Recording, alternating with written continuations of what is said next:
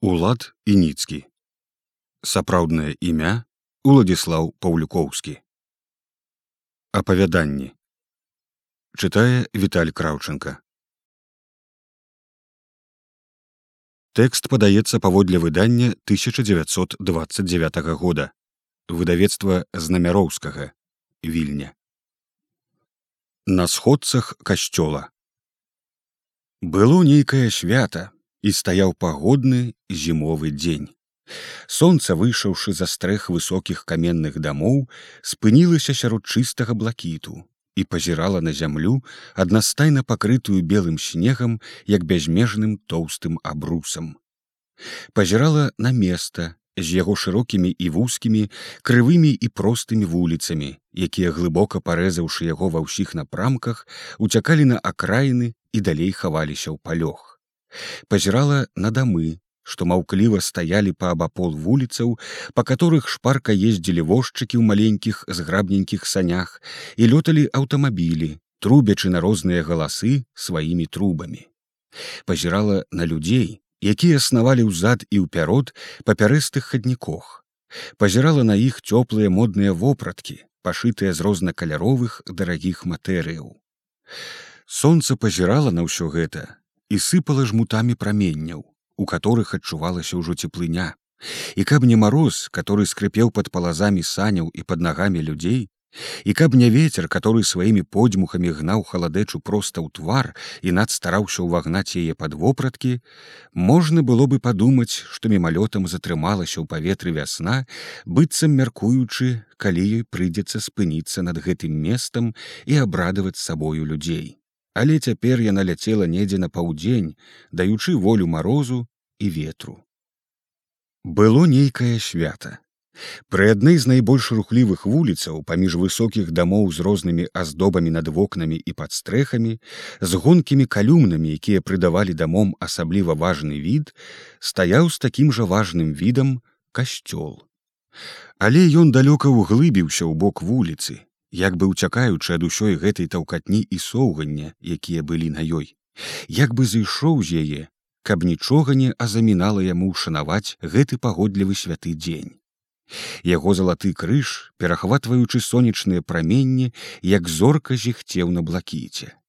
Снег, ляжаўшы тоўстым пластам на яго страсе, блішчэў і іскрыўся рознакаляровымі аганькамі, і аддзяляў белую страху ад блакітнага неба яркім паяском.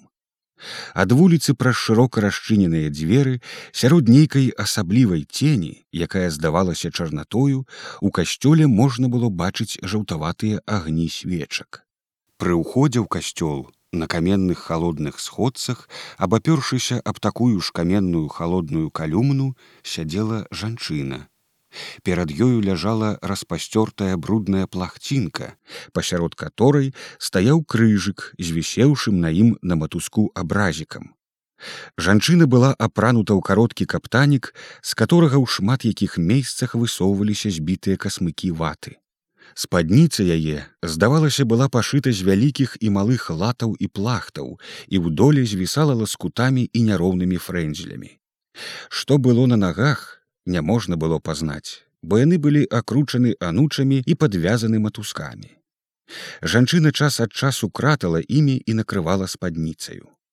Галава яе была закутана ў вялікую хустку з латамі і дзіркамі, праз каторыя выглядалі яе валасы. Хустка, абхапіўшы тоўстым паясом шыю, сваімі канцамі падходзіла пад сагнутыя на грудзёх руки. Яны моцна нацягвалі гэтыя канцы і нешта закрывалі ад сцюдзёнага паветра. Жанчына ківалася, як ківаецца маці, трымаючы на руках дзіця, і па яе рухах можна было дагадацца, што яна так жа трымала дзіця. Яе пасінеўшыя вусны і такі ж нос кожнаму давалі да зразумення, што ёй сцюдзёна, і яна дрыжала.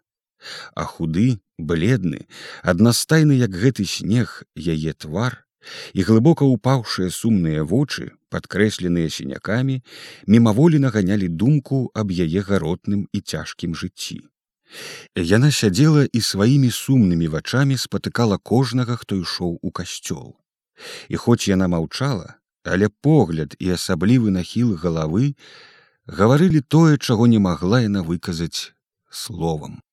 Мужчыны, которые ішлі ў касцёл, спаткаўшы яе погляд раптоўна скідалі капелюхі і робячы набожны від жагналіся і праходзілі далей у глыбіню касцёла. Жанчыны ж, адчуўшы на сабе погляд асобы свайго брата, нахіналі головы і так жа робячы набожны від, жагналіся і так жа праходзілі міма яе ў глыбіню касцёла. Як тыя, так і другія праходзілі моўчкі, не звяртаючы ўвагі ні на крыжык, не навісеўшы на ім абразік, і толькі думалі: якая назоўлівая жанчына, Ці ж тутака месца гэтак пазіраць на нас, калі мы ідём аддаць Богу належную яму пашану і паслухаць яго слова. У касцёле ішло набажэнства. Маліліся ўсе, і сядзеўшыя за лаўкамі старыя, і стаяўшыя пажылыя і маладыя. Усе былі ўтароплены ў кнігі, якія разгарнутымі трымалі перад сабою. У касцёле сярод маліўшыхся панавала нейкая штучная цішыня. Толькі маладыя людзі, хлопцы і дзяўчаты часамі нарушалі яе сваімі шэптамі.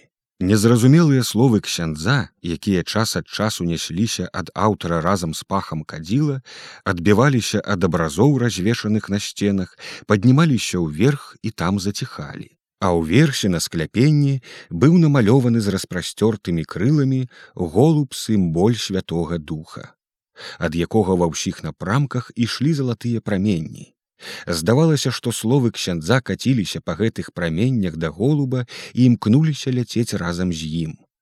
Час ад часу, перахватваючы словы ксяндза, гралі арганы і яго гукі, адбіўшыся ад сцен, так жа паднімаліся ўверх да таго голуба і там заціхалі. Але вось набажэнства скончылася. Ксёнз у белым адзенні ўзышоў на амбону і пачаў навуку.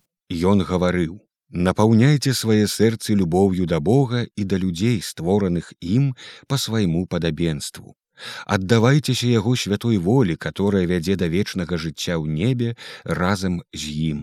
Яна вядзе туды праз земскае жыццё і праз бедных людзей, якія патрабуюць нашай помачы, як словам, так і чынам.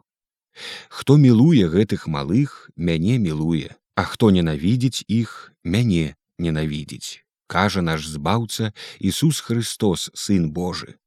Трымайце ў сабе агонь літасці над беднымі, бо праз іх Бог пробуе моц вашай веры і сілу вашай любові. Настала яшчэ большая цішыня. Заціхлі шэпты паміж маладых. Агні свечак, якія ўвесь час набажэнства ківаліся ў розныя бакі, цяпер спакойна гарэлі быццам прыслухоўваліся да навукі ксяндза. А ксёндз гаварыў: Бог робіць людзей беднымі, але робіць так на тое, каб не гаслі ў нашых сэрцах жаласлівасць і літасць. Бог дае нам бедных, каб мы заўсёды мелі на думцы жыццё Ісуса Хрыста. Бо Христос і сам быў бедным і сваім жыццём выказаў вялікае замілаванне да іх. Бог трымае на свеце бедных на тое, каб мы не затанулі ў грахох пагарды і пыхі, а гэта ж смяротныя грахі проціў духа святого беднымі Бог пробуе цвёрдасць нашай веры ў яго і гатоўнасць выконваць яго святыя прыказанні. Гора ж таму, хто праходзіць з цвёрдым сэрцам міма іх, гора яму грэшніку. Ён верыць у Бога, але не выяўляе сваёй веры добрымі ўчынкамі. Не памогуць жа яму ні малітвы, ні ўстхненні да Бога. Бог адварочваецца ад яго, чакаючы папраўкі і добрых учынкаў. Не пагарджайма ж беднымі, бо яны благаслаўлёныя, як кажа евангеліст Мацвей. Будзьма ж да іх літасцівымі, і Божае царства прыйдзе на зямлю. Апошнія словы ксёндз выгаварыў з запалам і так моцна, што закалыхаліся спакойныя агні свечак, і злезшы замбоны пайшоў у закрыстыю. Падчас гэтай навукі людзі стаялі з нахінутымі галавамі паміж іх чуліся глыбокія і цяжкія ўстхненні. Прапяяўшы пад гукі арганаў апошнюю малітву, выражаўшую просьбу ўмацавання ў веры і адданнасць волі Божай, людзі пачалі выходзіць з касцёла. Жанчына з дзіцёнкам на руках, закутаным у хустку, усё яшчэ сядзела на сходцах. Калі ксёнз гаварыў навуку, да яе даляталі гукі яго гарачай прамовы, У гэтых глухіх і няясных гуках, прарываўшыхся праз расчыненыя дзверы на вуліцу, яна часам лавіла ясныя і зразумелыя для сябе словы. Па іх яна дагадвалася, што ксёнз заклікаў веруючых да літасці над беднымі. У яе душы прабуджалася надзея і пераходзіла ў пэўнасць, которая там, недзе ў глыбіні, раскідала праменні радасці, як тое сонца асвятляўшае вуліцу. Яна чула, што дрыжака, ахапіўшае было ўсё яе цела, перайшла ў простае адчуванне холаду. Яе сцёпала, як сцёпае чалавека, устаўшага сцёплыя пасцелі і апранаўшага халодную вопратку.